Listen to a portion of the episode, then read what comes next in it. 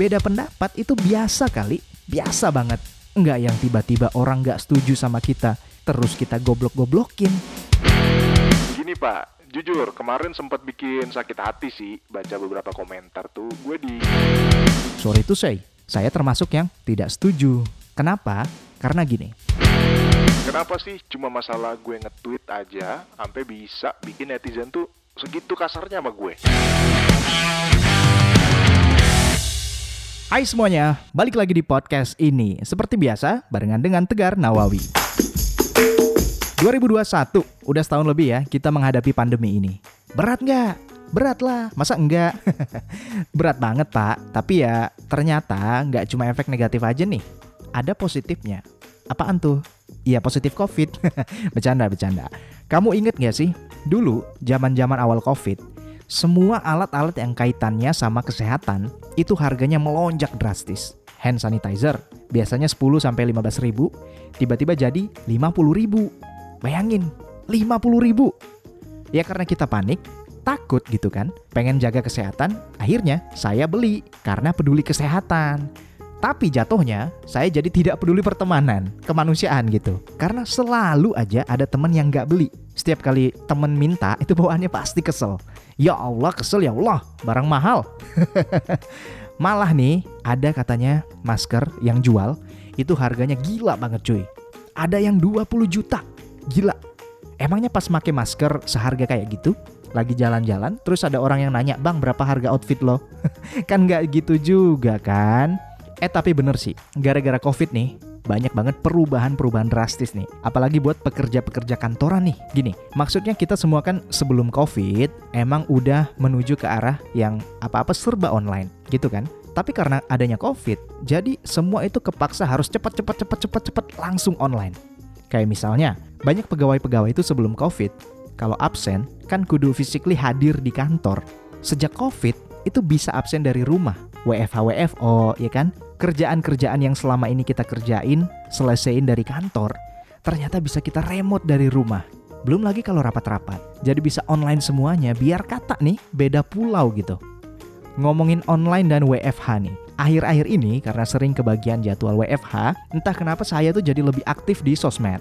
Saya sering ngeliat beberapa post teman saya di sosmed, Instagram, Twitter kebanyakan. Waktu mereka nih ngasih pandangan atau pendapat atau mereka nge-tweet gitu ya. Ada satu teman saya itu rame loh istilahnya netizen yang ngerujak dia di sosmed.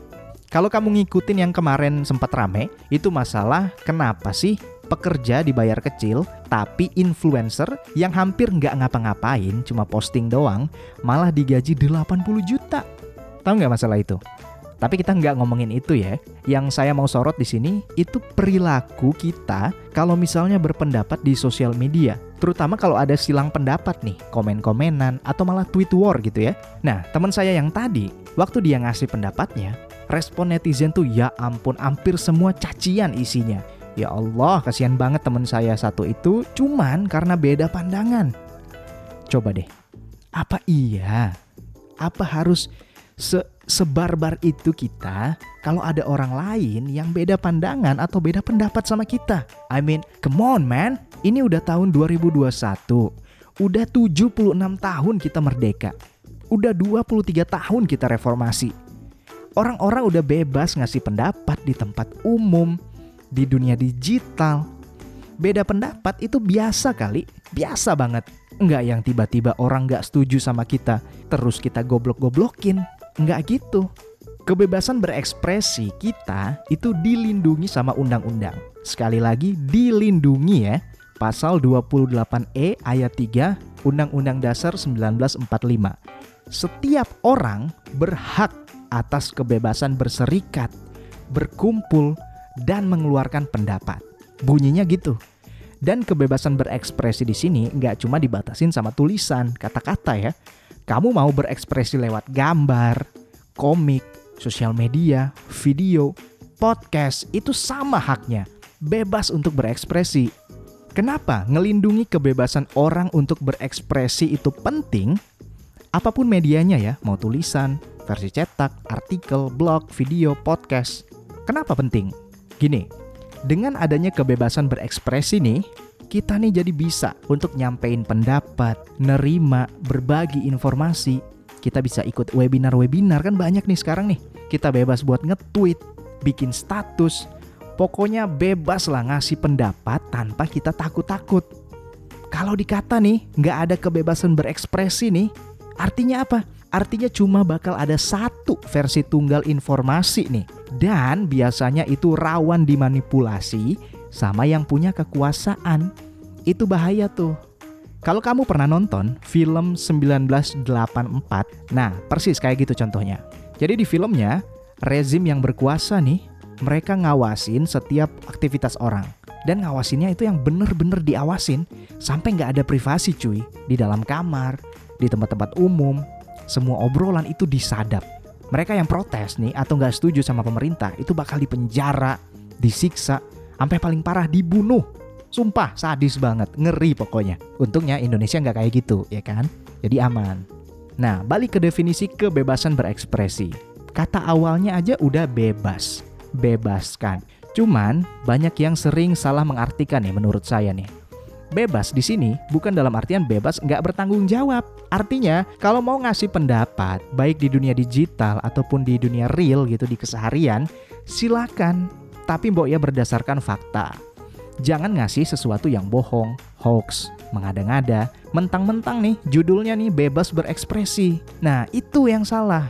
Apalagi nih, saking bebasnya, malah ngata-ngatain orang, maki-maki orang di sosmed, di lingkungan sekitar, itu yang sangat-sangat nggak boleh.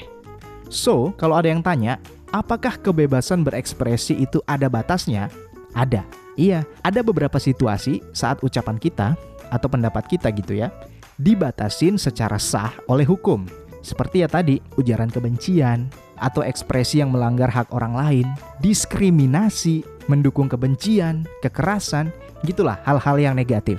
Jadi, bebas yang tidak tak terbatas. Nah, gitu ya. Bebas yang tidak tak terbatas.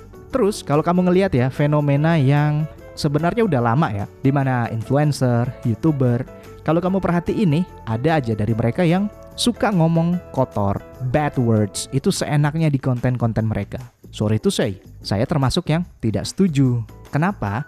Karena gini, ketika kita menjadi seseorang yang punya masa, punya banyak follower, maka sebenarnya kamu harus menjadi orang yang bertanggung jawab sama isi konten kamu. Bukan mendikte kontenmu harus gini, gini, gini. Enggak. At least, tata bahasanya itu harus dijaga. Karena kita harus tahu di antara semua followers, ada juga yang masih anak-anak mungkin efek psikologis ini ngaruh bisa menularkan karena mereka akan mencontoh idolanya. Ini kan konten gue dan konten gue bukan konten pendidikan.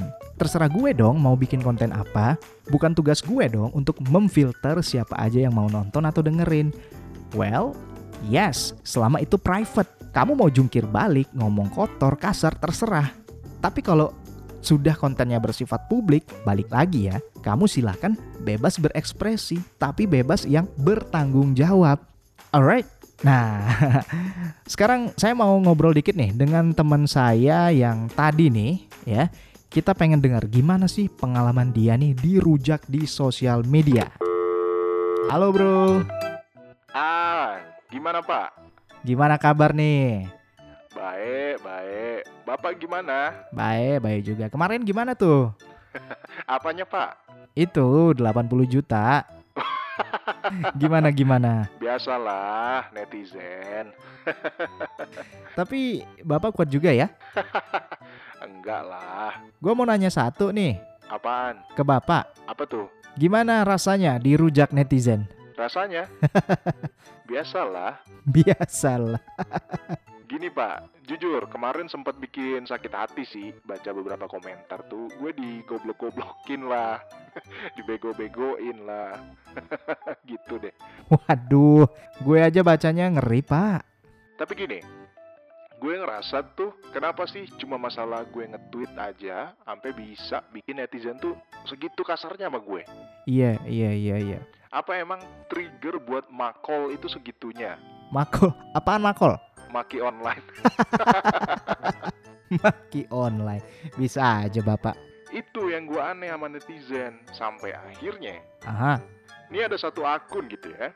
Dia nge-tweet apa gitu. Pokoknya dia ngomentarin sesuatu gitu, tapi ngaco.